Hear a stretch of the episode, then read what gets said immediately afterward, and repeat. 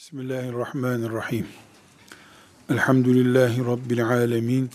Ve sallallahu ve sellem ala seyyidina Muhammedin ve ala alihi ve sahbihi ecma'in. Allahu Teala'nın kullarından yapmalarını murad ettiği hangi iş varsa ibadet olarak veya yapmama olarak alkolü yapmamayı emrediyor Allah. Namazı kılma, yapma olarak emrediyor. Allah ister emretsin, ister yasak yapmış olsun, kulundan ne isterse bu ancak sabırla yapılabilir bir şeydir. Eğer bir insanın mesela zinaya düşmesinin nedenini incelersek sabırsızlığıdır. Alkolün sonucunun kötü olduğunu bilmeyen yoktur dünyada. Niye alkol kullanırlar? Sabırsızlık. Yapmamaya sabredemez. Namazın iyi olduğunu herkes bilir. Namazın getireceği yüke, ağırlığa sabredemez insan. İyi kullar sabrı becermiş kullardır. Haramlardan korunmuş müminler sabredebilmiş müminlerdir. Bu kural Allahu Teala'nın bütün emir ve yasakları için geçerlidir. Cihat sabretmekle ilgili bir ibadettir. Zekat sabretmekle ilgili vermenin getireceği eziklik ve risklere karşı sabretmektir sabır kadardır müminin Allah'a itaati. Çünkü nefsin baskısına, şeytanın kışkırtmasına karşı dizginlenebilen, disipline edilebilen insan muvaffak olabiliyor. Buna da biz sabır diyoruz. Bu sabır girişinden şu noktaya gelmemiz gerekiyor. Allahu Teala mümin kullarını kardeş görmek istiyor. Kıyamete kadar bu kardeşlik devam etsin istiyor. Tıpkı kıyamete kadar ezanlar susmasın, namaz devam etsin demek gibidir bu. Hep Kur'an okunsun demek gibidir. Hiçbir emri Allahu Teala'nın sabretmesen de olabiliyor denemeyecek emir olduğuna göre herhangi bir şekilde mümin insan sabretmeden sabırsız bir şekilde mümin kardeşlik kalitesini yakalayamaz. Peki alkolde sabır neydi? İştaha ve zevke karşı direnebilmekti. Namazda sabır neydi? Uykuyu bölebilmek ve diğer namazın ağırlıklarına karşıydı. E, gece uykuyu bölmeye karşı sabırlı olmaktı. Bu kardeşliğin sabrı nedir? Senin gibi hissiyatı olan, senin istediklerinin bir benzerini isteyen insana karşı ki mümin kardeşindir o senin, seninle sürtüştüğü noktalarda dininin hatırı için ses çıkarmaman, idare edebilmendir. Sabır budur. Bu sabrı becerebilenler ancak din kardeşliğinin, mümin kardeşliğinin lezzetine varabilirler. Sevdiğini Allah için sevmek bu demektir. Allah için buğz etmek bu demektir. Bu kaliteyi yakalamanın adına biz sabırlı mümin diyoruz. Sabretti, hafız oldu diyoruz. Sabretti, Ramazan'da orucunu sonuna kadar tuttu diyoruz. Kışkırtmalara, seviyesizliklere, sataşmalara karşı sabretti, mümin kardeşliğini korudu diyoruz. Hacca giden bir müminin iyi bir hac, mebrur bir hac yapıp gelmesi, sıcağa, kalabalığa, ayağının basılmasına, tansiyonunun yükselmesine vesaire vesaire haccın getirdiği eziyetlere karşı sabretmesine bağlıdır. Haçtaki sabrı kadar müminin kazancı vardır. Sabrı düştüğü kadar da haccın kalitesini düşürür. belki de haccın tamamını kaybedebilir.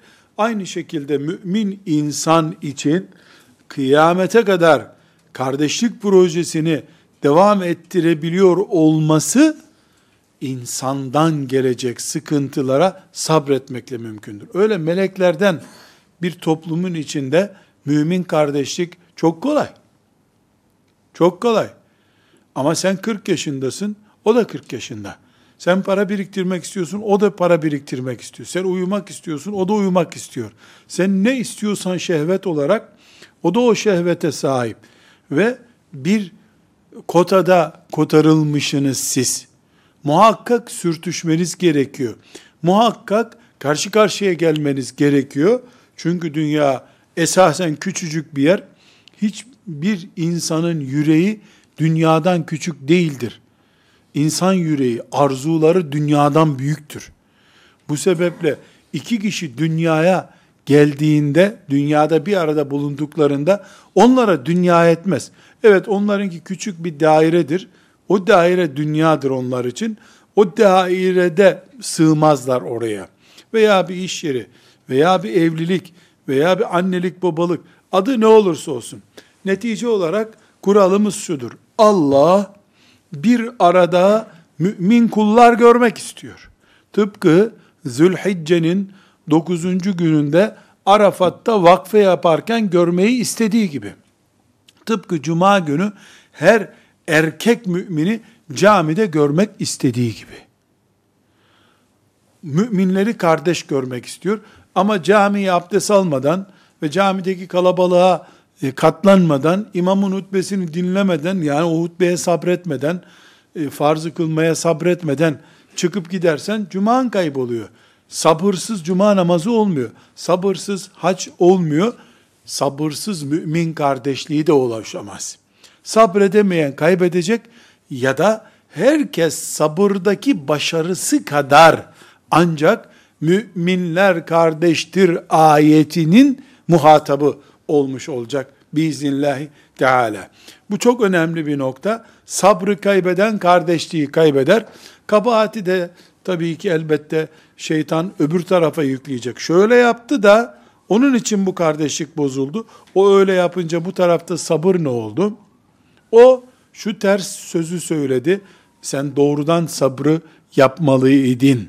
Onun tersliğine senin sabır doğrulukların ortaya çıkmalıydı. Allah'ın kolay bir emri yoktur. Kelepur cenneti yoktur. Her şeyde muhakkak bir meşakkat vardır. Sabretmekle o meşakkat kat edilebilir veya elde edilebilir. Bir sonuca ulaşılabilir. E, sabredemeyenler kaybedecekler. Bu ayetten, bu e, önemli e, girişten sonra kardeşler biraz daha kardeşlik konusunu tefekkür etmemize sebep olacak e, ayetlerden zikretmek istiyorum. Bunları da not edelim. Bir önceki dersimizde olduğu gibi e, kardeşlik konusunun nasıl namaz gibi, hac gibi, oruç gibi belli bir sabrı gerektirdiğini, gelişi güzel olmadığını, Allah'ın emirlerinden bir emir olduğunu tefekkür edelim diye. En'am suresinin 159. ayetinde Allahu Teala Peygamber sallallahu aleyhi ve sellem Efendimiz'e ne diyor? Buna dikkat edelim. İnnellezîne farrakû dînehum Dinlerini parçalayanlar ve kânû şi'a ve sonuçta da gruplara ayrılanlar var ya leste minhum fi şey sen onlarla ilgili değilsin. Bu önceki ümmetlerin akıbetini de anlatıyor. Yani boş ver Yahudileri, boş ver Hristiyanları. Onlar grup grupa ayrıldılar, parçalandılar. Sen onlarla ilgilenme, muhatap olma olabilir. Ama bu Allahu Teala'nın kanunu. Bir arada olamayanları peygamberine muhatap kabul etmiyor. İnnemâ emruhum ilallah. Onların işi Allah'a kalmıştır artık. Sümme yunebbihum bima kanu yef'alun. Daha sonra Allah onlara yaptıkları şeyin ne olduğunu anlatacak. Ehli sünnet olmak iddia ile değil, sabredip ümmetin farklılıklarına katlanabilmek, ton farklılıklarını yok kabul edip, kıble etrafında, Kur'an etrafında, ashab-ı kiram etrafında durmayı becerebilmektir. Bu şekilde bulunulabilir. Ümmeti Muhammed'in parçalanmasından rahatsız olmadıktan sonra, fiiliyatta rahatsız olmadıktan sözle herkes rahatsız oluyor tabi. Fiiliyatta rahatsız olmadıktan sonra e, herhangi bir şekilde ehl sünnet olmak veya başka bir mezhep olmak, bir ekol olmak bir anlam ifade etmiyor. O o zaman küçük bir iddia, boş bir iddiadır. Yine Ali İmran suresinin 105. ayetine bakalım. وَلَا تَكُونُوا كَالَّذ۪ينَ تَفَرَّقُوا وَاخْتَلَفُوا مِنْ بَعْدِ مَا جَاءُمُ الْبَيِّنَاتِ وَاُولَٰئِكَ لَهُمْ عَذَابٌ عَظِيمٌ Sakın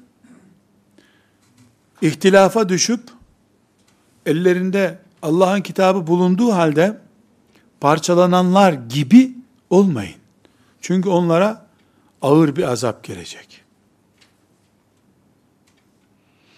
Demek ki Ali İmran suresinin 105. ayeti çok açık bir şekilde ne gösteriyor? Parçalandığımız zaman sadece kafirlere yem olmuyoruz biz. Elim bir azap da bekliyor bizi ahirette. Parçalanmak sadece dünya menfaatlerimizin veyahut da dünyadaki beklentilerimizin gerçekleşmemesinin e, sebebi olmuyor. Ahiretimizi berbat ediyoruz parçalanarak. Müslümanların ne şu hali, niye bir arada bulunamıyorlar dediğimiz zaman sanki ahiretten bir tabloyu konuşuyoruz biz. Halbuki biz bakarken öyle bakmıyoruz. Nasıl bakıyoruz? Yani böyle olmadığı için işte filan kafir güç gelip bize tasallut ediyor, başımıza bela oluyor diyoruz. Ahirette de böyle olacak. Ahirette de neuzu billah müminler olarak birbirimize sabredememenin, kardeşliğimizi ayakta tutamıyor olmanın cezası olarak bir cehennem tehdidi Allah bize hatırlatıyor. Ulaike lehum azabun azim. Onları büyük bir azap bekliyor. Ümmeti Muhammed ruhamâ'u beynehum. Kendi aralarında merhametli olacaklar. Birbirlerine merhametli olacaklar. Ruhamâ'u beynehum. Bu merhamet aynı zamanda bir annenin çocuğuna merhameti gibi gerektiğinde yaramazlıkları görmemeyi beraberinde getirecek. Sessiz durursa, vergisini öderse, itaat ederse zaten sen merhamet gösteriyorsun ona. Tersliklerde bile doğru gidebilmek maharettir. Trafiğin akmadığı yerde de yürüyebilmek lazım. E bu kolay mı? En başta ne dedik? Allah kolayı niye emretsin ki zaten? Niye Allah kendiliğinden olacak şeyleri emretsin ki? Bir meşakkat, direnç, sabır ve gayret gerektiren şeyleri emreder Allah. Öbür türlü imtihan olmaz bu. İmtihan zor bir şeyden yapılır. Herhangi bir insan, bir talebe imtihanı alınıp hoşuna giden 3-4 soruyu yaz cevabını da ver diye imtihan ediliyor mu? Böyle bir şey var mı dünyada? Kolay soru sor diye talebe müracaatta bulunamaz. Kul Allahu Teala'nın ne sorduğuna, neyle imtihan ettiğine bakacak. Zor şeyler istiyor Allah Teala elbette. Ama kaldırılamaz şeyler değil. Zor ama kaldırılamaz değil. Çünkü la yükellifullahu nefsen illa vus'aha. Allah hiçbir insana kaldıramayacağı şeyi emretmez. Müminlerin kardeşliği kaldırılamaz bir şey olsaydı, gerçekleştirilemez bir şey olsaydı Allah onu emretmezdi. Peygamberi aleyhissalatu vesselam emretmezdi. Bu önem. Burada müminler olarak kardeşliğimizi korumak zorundayız. Şimdi bir hadisi şerif okuyacağız Ebu Davud'dan ve Tirmizi'den. Bu hadisi şerifi Müslüman yöneticiler dinlemeli. Müslüman yöneticilerin yönettiği Müslümanlar da dinlemeli. Resulullah sallallahu aleyhi ve sellem kendi üzerinden bir örnek veriyor. Bu örnek bütün yöneticileri ilgilendiriyor. Hocalar dinlemeli, hocalardan ders okuyan talebeler de dinlemeli. Müslümanlar dinlemeli. Cami imamı dinlemeli, camide namaz kılanlar dinlemeli. Fabrikadaki şef dinlemeli, şefin yönettiği işçiler dinlemeli. Kardeşlik bir yüktür. Bu yükü başkasının omuzuna atmak ya da birilerinin gereksiz yere yük taşımasına sebep olmak açısından hepimiz dinlemeliyiz. Ebu Davud'da 4860. hadis, Tirmizi'de de 3896. hadisi şerif olarak bu e, hadisi şerifi not defterimize, hafızamıza kaydedelim. Ne buyuruyor sallallahu aleyhi ve sellem Efendimiz? Sizden biriniz ashabım hakkında bana dedikodu taşımasın. Çünkü ben kimse hakkında bir ön yargı taşımadan sizin aranıza gelmek istiyorum.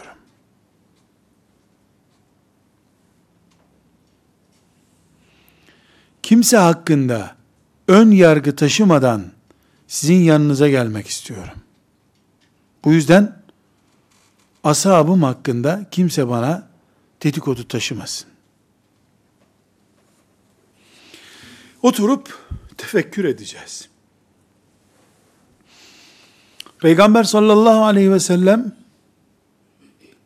zirvenin en zirvesi. Ashabı ümmeti Muhammed'in aleyhissalatü vesselam en iyileri.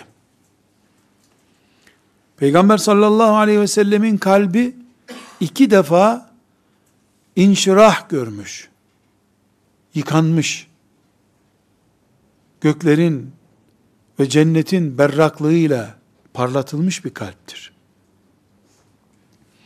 Buna rağmen sabah evinden çıkıp ashabının bulunduğu bir yere gideceği zaman yolda birisi ona filan sahabi şöyle yaptı böyle etti diye bir söz taşıdığında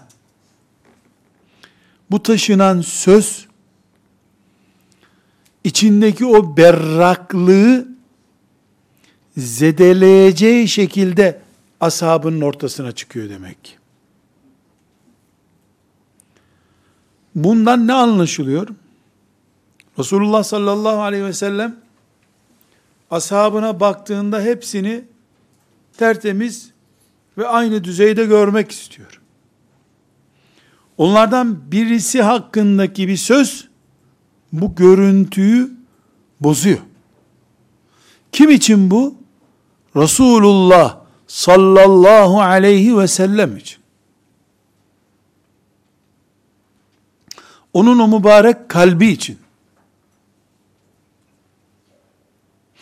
Peki, Müslümanlar,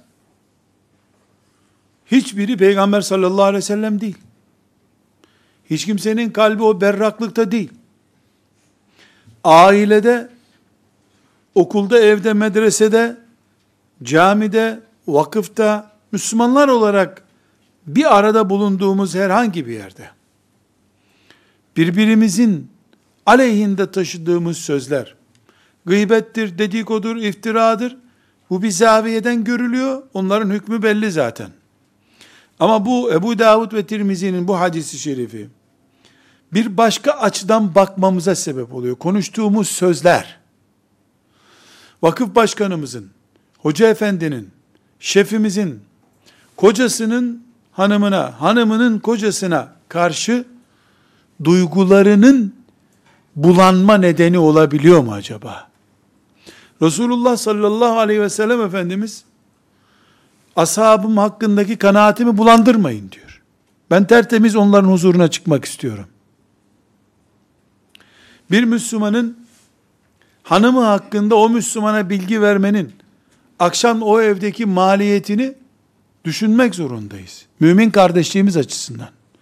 Bir hoca efendiye talebelerinin herhangi bir talebe hakkındaki aktardığı bilgi bir yöneticiye, şuradaki buradaki yöneticiye birilerinin jurnalladığı bilgi o yöneticinin, o kocanın, o kadının, o babanın, o hoca efendinin, o imamın ve o dernek başkanının kimse kalbinde bulanma ve duruluk kaybı nedeni oluyor mu?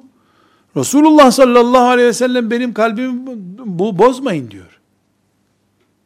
Bizzat Peygamber sallallahu aleyhi ve sellem selimus sadır tertemiz bir göğüsle çıkmak istiyorum ben arkadaşlarımın huzuruna diyor. Onun kalbi için bu geçerli ise eğer Müslümanlar olarak biz bu demokrasi çağında bu internet çağında bu sosyal medya çağında herkesin birbirinin hayatıyla oynamaya hazır olduğu bir çağda bir tür pamuk ipliğiyle birbirimize bağlı olduğumuz bu çağda biz acaba ne kadar etkileniyoruzdur? Bu etkilenmemize bir rakam bile tasarlayamıyorum.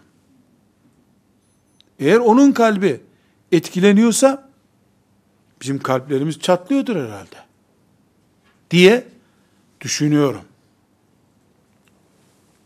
Bu hadisi şerifi de bir kenara koyduk. Ne yapıyoruz? Naslar, ayetler, hadisler ele alıyoruz. Kardeşliğimizin altyapısı ve iç işleyişini çözmek için engelleri baştan anlayıp ta en uç noktasına kadar götürebilmek için. Bir başka hadis-i şerifi Tirmizi'den ve İbn Mace'den okuyoruz. Tirmizi'de 3253. hadis-i şerif, İbn Mace'de de 48. hadis-i şerif. Bu hadis-i şerifi özellikle genç kardeşlerime ve özellikle de sosyal medyada, siyasi medyada, yazılı medyada, görsel medyada, her neredeyse artık Müslümanların tartışmasına bir bölü bir milyar oranında da olsa katkıda bulunanların kıyamet günü hangi muhasebeye tabi tutulacaklarını hatırlatması bakımından bu hadis-i şerifi okuyoruz. Bugünkü tartışmalarımızın İmam-ı Azam etrafındaydı, sahabeden biri etrafındaydı. Hatta Resulullah sallallahu aleyhi ve sellem Efendimizin hadisi şerifleri etrafında maazallah belki de bir ayetin e, işaretleri hakkında şu var mı İslam'da bu yok mu diye ürettiğimiz tartışmalar veya bizim İslam adına büyük bildiğimiz hoca efendilerimiz, şeyhlerimiz, alimlerimiz, siyasetçilerimiz daha güçlensinler diye üretilmiş propagandalarla ortaya çıkmış tartışmaların bizi nereye götüreceğini Resulullah sallallahu aleyhi ve sellem Efendimiz haber veriyor. Ne buyuruyor? İslam nimetiyle şereflendikten sonra bir milletin bu nimeti kaybetmesi ancak tartışmalarıyla ortaya çıkar. Allah hidayet ettikten sonra bir toplumu, Müslüman olduktan sonra, onlar kendi içlerinde tartışmadıkça Allah o nimeti almıyor demek ki. Ama din ekseninde tartışma üretir. Birbirleriyle cedelleşirlerse, Allahu Teala dalaletlerine yol açıyor. Bugün filan mezhep mi doğrudur? Filan alim mi haklıdır? Filan tarikat mı haktır? Filan vakıf mı daha evladır, üstündür? Türünde başlayan ama özünde de İslam'ı ve Müslümanlığı tartışmayı gerektiren bütün tartışmalar İslam ağacımızın dallarını kırmaktadır. Bu dallar filan fıkıh meselesi, filan sosyal mesele tartışılırken kırılır.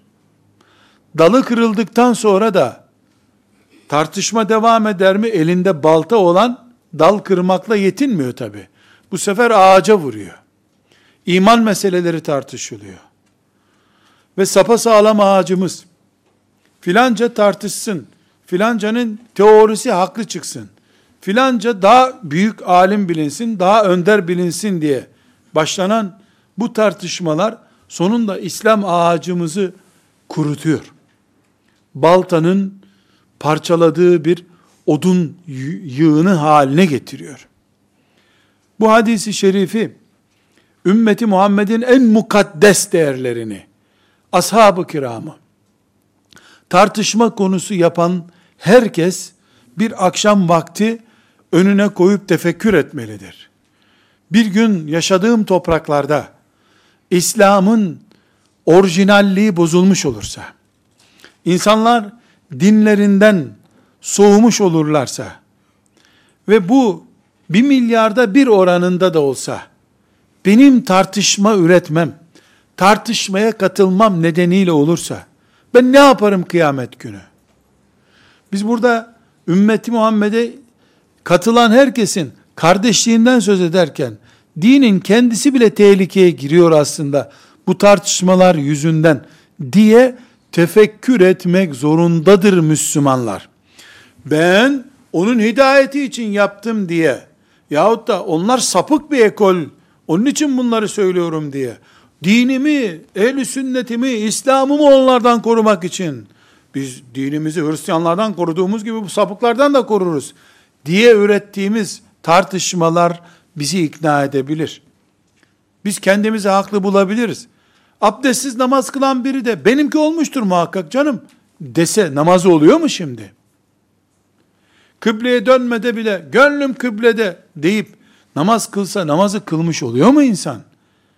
Bizim kendi kendimize ürettiğimiz kardeşliğimize ve elimizdeki din, iman nimetine zarar veren tartışmalara bir milyarda bir oranında katılmış olmak bile özünde dine zarar vermektir. Kardeşliğimizi koruyamadığımız sürece de dinimizi koruyamayız. Dinimizin zarar göreceği bir iş yaptığımız sürece de din derdimiz vardır diye asla ve kat'a iddiada bulunamayız. Tirmizi'de 2510. hadisi şerifi okuyacağım. Resulullah sallallahu aleyhi ve sellem Efendimiz ciddi bir şekilde bir tehlikeden söz ediyor. Dinimizin kökten bireysel olarak veya toplum olarak dinimizin erimesinden söz ediyor. Dikkat ediniz. Benim şahsımda bir kişi iken ben, benim dinimin erimesi de din erimesidir. Ben o, bu, şu, biz derken, belli bir sayıdaki Müslümanın dininin erimesi durumunda, din toplum olarak da eriyor demektir. Resulullah sallallahu aleyhi ve sellem, bizden önceki ümmetlerin, insanları da iman ehli oldukları halde, dinlerini neden kaybettiklerini iki noktada özetliyor. Buyuruyor ki, sizden öncekilere hased ve kin, haset ve kin, mikrobu bulaştığı için ellerindeki din gitti. Haset ve kin. Dikkat edin. Size Resulullah sallallahu aleyhi ve sellem buyuruyor.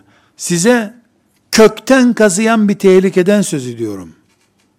Ama kökten kazınan şey saçınız değil, dininizdir dikkat edin. La ilahe illallah. Muhammedur Resulullah. Sizden önceki din mensuplarını haset ve kin bitirdi. Dikkat edin bu kazır. Ama saçınızı değil dininizi, dininizi kazır. Saçı kazısa bir şey yok. Haset nedir kardeşler? Haykıra haykıra söylüyorum. Alemin alemi çekememesidir. Vakfın vakfı kıskanmasıdır. Hocanın hocayı beğenmemesidir. Alemin alemi haset etmesi kadar bu dünyada çirkin bir şey yoktur. Hasedin haram olduğunu ve hasedin ateşin odunu yediğip bitirdiği gibi ibadetleri yiyip bitirdiğini okumuş, ezber bilmiş, talebelerini okutmuş, alim öbür alemi haset eder mi? Haşa sümme haşa. Hiç alim böyle bir şey yapar mı? Yapmaz, münasip buyurmaz böyle bir şey yapmayı elbette ama haset diyerek yapmaz onu o. Vakıf öbür vakfı ikisi de İslami kökenli olduğu halde, Müslüman kökenli olduğu halde herhangi bir şekilde öbür vakfı haset etmesine gerek var mıdır? Yoktur. Niye vakıf öbür vakfı haset eder? Allah aynı, peygamber aynı, kitap aynı, ashab aynı, mezhep aynı, toprak aynı, ülke aynı, o ülkenin bayrağı aynı. Hatta düşünce tarzları aynı. Sadece bu vakıf, bu mahallenin bir sokağında, bu vakıfta öbür mahallenin sokağında. Neden her şeyleri aynı olan bu iki vakıf birbirlerine selam vermezler? Birbirlerinin takviyesinde bulunmazlar? Hasetten. Ama onlar buna haset demezler. Kılıf hazırdır. Şeytan hiç kimseye zehiri kirli bir tenekede sunmuyor. Parlak bir züccaciyede zehir sunar. Kimse o zehiri içmez çünkü. Ne der? Bunlar filancalarla işbirliği var. Bunlar, bunlar ne olduğu belli değil. Bakma bunların vakfında İslami yazıyor. Onlar da aynı şekilde buna yapacaklardır. Haset, kine götürür. Kin içeride biriktiği zaman da en sevdiğin kimse olması gerekeni bile düşman kategorisine koyar. Silah çekersin, öldürürsün, yaralarsın. Bunu da Allah için yaparsın. Hem bir mümini öldüren ebedi cehennemde kalacak ayetini okursun, hem de yüz mümin öldürürsün. Bir de camide namaz kılarken öldürürsün onları. Dikkat edin, sizden önceki ümmetleri kökten tıraş eden şey hasetti buyuruyor sallallahu aleyhi ve sellem. Ümmeti Muhammed'in dünya küresini dolduracak kadar yoğun ve ağır sorunları bulunduğu halde başka bir alemin ipe gelmez, sapa gelmez, kenarda bucakta kalmış hatalarıyla günler meşgul olan, dosyalar dolusu işler yapan hasetçidir. Kıskanıyordur. Ama ben haset ettiğim için böyle diyorum diyecek hali yok. Sizin imanınızı korumak için bunu söylüyorum. Ben söylemesem sizin imanınız gider diyerek hasedinden bile sevap çıkmış bir halime dönüşür o. Haset önceki ümmetleri kökten kazıdı. Nauzu billah bu ümmette dikkat etmezse bu ümmeti de kökten kazır. Allah muhafaza buyursun. Peki bu kökten kazıma nasıl oluyor ya da nasıl ortaya çıkıyor? Yani Allah Teala namazlar var, camiler var, oruçlarımız var. Ramazanda şenlik bile var ya. O kadar değerli Ramazan ashab-ı kiram bile görmemiştir ya. Davullu, zurnalı, sazlı, konserli, şarkı, türkülü Ramazan. Ne? Yahudiler bile o kadar yapamamışlardı. Böyle Ramazanlar var. Hacca davul zurna eşliğinde törenlerle gidiliyor. E bu kadar köklü İslam varken peki Allahu Teala gökten büyük bir taş indirip camileri altında mı ezecek? Yok. Müslüman toplumda gelişen, yaygınlaşan ve sansürsüz hale gelen bütün günahlar bu kökten kazıma sürecinin başladığını gösterir müminlerin müminlerle, kafirlerle tartışır gibi tartışmaları kazıma sürecinin işlediğini gösteriyor. Müminin mümine suizan beslemesi, müminler arasında hüsnü zannın kaybolmuş olması, kaybolma oranı kadar kökten kazıma sürecinin devam ettiğini gösteriyor.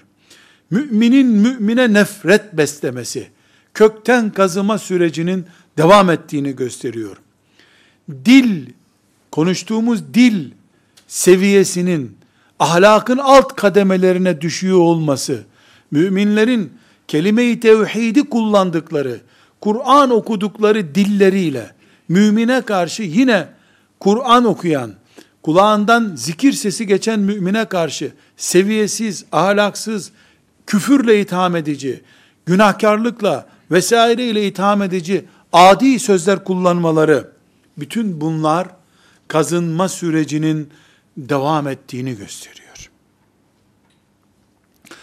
Bu dinin toplumdan kazınması kardeşliği de beraberinde götürüyor. Kardeşliğin erimesi bu kazınma sürecini doğal hale getiriyor. Başta ne dedik? Allah'ın hiçbir emri kolay değil. Hac kolay değil. Oruç kolay değil. Cihat kolay değil. İnfak kolay değil. Kolay emri olmaz Allah'ın.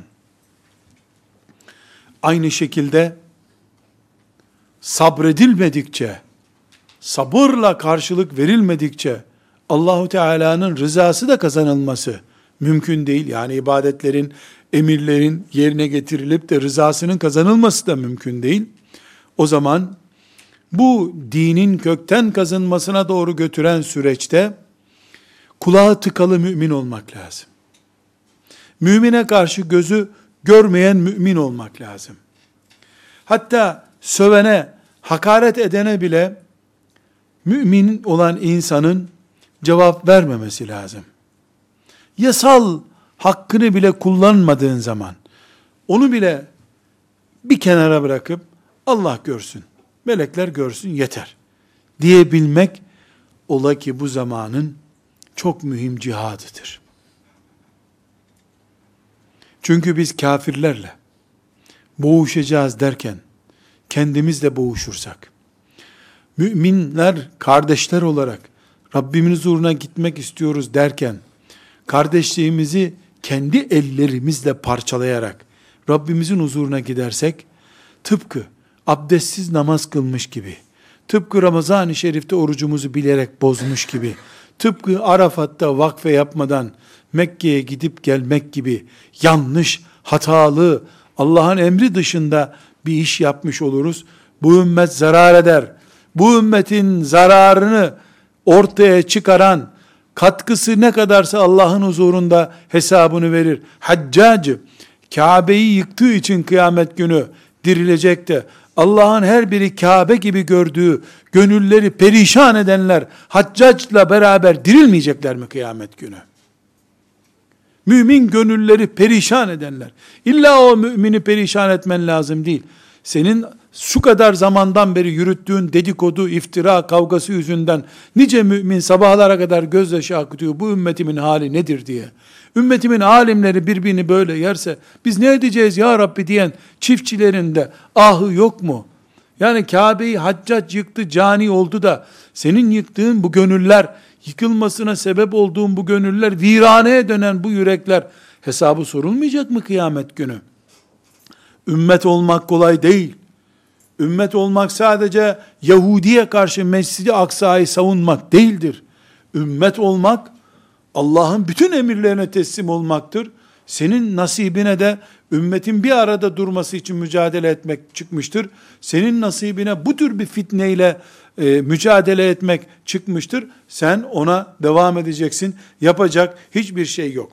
Burada kardeşler, müminler arasında kardeşliğin en önemli e, yıkıcı nedenlerinden biri dedikodu kültürüdür. Dedikoduya bizim şeriat lisanımızda nemime denir. Nemime, dedikodu demek. Dedikodu, ilgili ilgisiz, gerekli gereksiz söz taşımak demektir. Şu şunu yapmış, bunu yapmış. Gıybet başka bir şey. Gıybet arkadan konuşmak. Dedikodu ise olmuş da olsa bir olayı oradan oraya, oradan oraya, oradan oraya taşımaktır. Tıpkı bataklık sineği gibi. Bataklıktan mikrobu kapıyor, konduğu her yerde o mikrobu oturtuyor. Nereye konarsa oraya bir sıtma bulaştırıyor. Müminlerin dedikodu düzeyine düşmesi, bu ümmetin içinden biri olma niteliklerini kaybetmeleri anlamına gelir. Çünkü Resulullah sallallahu aleyhi ve sellem Efendimiz Bukhari'nin 6056. hadisinde, Müslim'in de 105. hadisi şerifinde çok net, ap açık Facebookçu ve Twitter'cılara cevap veriyor. Facebook kullananlar, Twitter kullananlar, Instagram, Instagram, Lestergam diye birin bilmem ne kullananlar, oturduğu yerde sivrisinek gibi mikrop yayanlar, bütün sıtma hastalığını yayanlara ne diyor sallallahu aleyhi ve sellem Efendimiz? La yedhulul cennete nemmamun. Dedikodu taşıyan cennete girmez. Selamun aleyküm. Dedikodu taşıyan cennete girmez. Sallallahu aleyhi ve sellem. Ben dedikodu yapmadım, Facebook yaydım, Twitter attım, tweet attın, görürsün ne attığını. Görürsün ne attığını. Attığın tweet iki müminin karı kocanın bölünme nedeni oldu. Filan hocanın filan hoca ile kavga etme nedeni oldu. Filan vakıfla öbür müminlerin yönettiği vakfın arasında soğukluk nedeni oldu. Aralarındaki köprüler yıkıldı. Eskiden kadınlar camdan cama birbirlerine nemime yaparlarmış. Ne yapsınlar? Cep telefonu yok, bir şey yok. Telefon yok, bir şey yok ellerinde. Bir evin camından öbür cama kız ne yaptın diye konuşurlarmış. Yani o bile bugün neredeyse rahmetle anılacak hale gelmiştir. Bir Müslümanın ağzından çıktığını çıkmadığını velev ki çıkmış olsun çünkü nemime iftira değildir. İftira zaten yalan demek. Nemime olmuş olan bir şeyi sağa sola taşımaktır. Müminin vazifesi onun sözünü öbürüne taşıyacak bir sivrisineklik değildir. Müminin vazifesi Allah'ın dinini taşıyan Halid bin Velid olmaktır. Bir mümin hoca, alim, vakıf, yazar, çizer ne olduğu önemli değil. Bir müminin vazifesi sivrisinek gibi oturup insanların ne konuştuklarını, ne yaptıklarını taşımak olduğu zaman bu ümmet kalitesinin çok altlarına düşülmüş, hatta ümmetlik neredeyse kaybolmuş hale geliyor demektir. Biz dinimizi taşıyacağız. Dedikodu taşıyacak bir kitle değiliz. Allah'ın izniyle özellikle Facebook kullananlar vesaire diğer sosyal medya araçlarını kullananlar mesela son 3 aylık kullanımlarını tek tek incelesinler. Kendi gözüne batmayabilir bir insan. Bir mümin kardeşine verip son 3 aylık kullanıma baksana ya. Bu nemime denen şey var mı burada? Bu melanet yüzünden cehenneme girmeyelim. La yedhulul cennete nemmamun. La yedhulul cennete nemmamun. La yedhulul cennete nemmamun. Cennete girmez dedikoducu. Cennete girmez dedikoducu. Cennete girmez dedikoducu. Bu kadar. Hoca Nesefi akidesine göre o şu demektir. Cehenneme girmeden cennete girmez demektir. Afiyet olsun. Tamam madem cehenneme zarar yok gir cehenneme. Sırf seninle ilgisi olmayan bir tweetten dolayı cehennemin yanından geçmeye değer mi? Bırak cehenneme girmeyi. Onun manası şuymuş. Manasını ne yapıyorsun? Sallallahu aleyhi ve sellem yalan mı söylüyor? Abartı mı yapıyor? Haşa sümme haşa. La yedhulul cennete nemmamun. Bizim tweetimizde, Facebook'umuzda bir insandan öbür insana söz taşıma niteliğinde hiçbir şey olmamalı. Ya biz yeteri kadar derdi olan bir ümmetiz. Niye birbirimizin sivrisinek gibi mikrobunu taşıyalım? Hatta ve hatta biz bir basamak daha ileri gidip tweetleri arasında nemime kültürü bulunanın da bizim tercihlerimiz arasında ismi bulunmamalıdır. Ona da söyleyip sen nemime e, sıkıntısı var. Onun için seni bulunduram. Nasıl şimdi filan örgütten zannederler beni diye o örgütte adı çıkmış birisinin isminin baş harfleri bile kimsenin tweetinde yok. Çünkü ma maazallah polis gelir sen onlardansın der. Niye Allah'ın meleklerinden korkmuyoruz? Nemime de bir ordu çeşididir. Terör örgütüdür. Ümmetimizi çökerten örgütlerden biridir. Nemime örgütü. Orta Doğu'da var, Uzak Doğu'da var, Kısa Doğu'da var, Asya'da var, Avrupa'da var. İnsanın olduğu her yerde çok yaygın bir örgüttür. Nemime örgütü. Çok çirkin bir örgüttür hem de. Can alır. Maazallah. Biz asla ve kat'a onun bunun sözünü taşıyacak sivrisinek değiliz.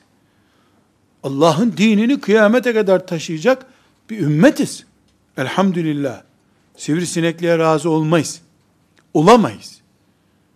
Ümmeti Muhammed'in vakıflar arası, hocalar arası, alimler arası, aileler arası neyse bireyleri arasında dedikodu yapanlar, nemimecilik yapanlar bu ümmete zarar vermektedirler. Resulullah sallallahu aleyhi ve sellem tehdit ediyor. La yedhulul cennet ediyor. Cennete girmez ya. Evet mümin sonunda cennete girer ama nasıl gireceksin kardeş? Namazların da sorulacak. Cehenneme girmişken eski dosyalar da karıştırılacak orada o zaman. Durup dururken kendimizi ve ümmetimizi dert içine, dert bataklığına sokmanın gereği yoktur. Burada sözlerimizi bağlarken kardeşlerim, sanki ümmetimiz bu olaylardan batacakmış gibi bir ürküntüyle söylemiyorum. Allah'ın izni ve lütfu ile bu ümmet batmaz. Ama ümmetin içinden birileri batıp gidecek. Nemimeciler batacak. Ümmete bir şey olmaz. Ümmete bir şey olur diyenin ya aklı yoktur ya imanı yoktur. Neden? Çünkü allah Teala kıyamete kadar kalsın diye gönderdiği bir dini birileri kandıra, kaldırabilir mi? Böyle bir şey olur mu hiç? Ümmetimizin ömrü son insana kadardır. Ama nemimeciler, tıraşçılar, kardeşliğimizi zedeleyenler, kardeşliğimizin zedelenmesinde sakınca görmeyenler, alemi, cahili, çiftçisi, işçisi, siyasetçisi neyse artık. Onlar gider. Allah kime muhtaç ki? Kime yalvaracak ki Allah ne olursun sen kal diye? Bu sözü düşünmek bile mümkün değil. Dolayısıyla biz bunları konuşurken eyvah gelin vatan gidiyor gibi konuşmuyorum. Biz gidiyoruz diye konuşuyorum. Neslimiz gidiyor. Allah'ın dinine bir şey olmaz. Çünkü Allah'a bir şey olmaz. Celle Celaluhu. Allah'a bir şey olmaz ki dinine bir şey olsun. Ama dökülen dökülür. Bu çınar yerinden yıkılmaz. Fakat yaprakları dökülür.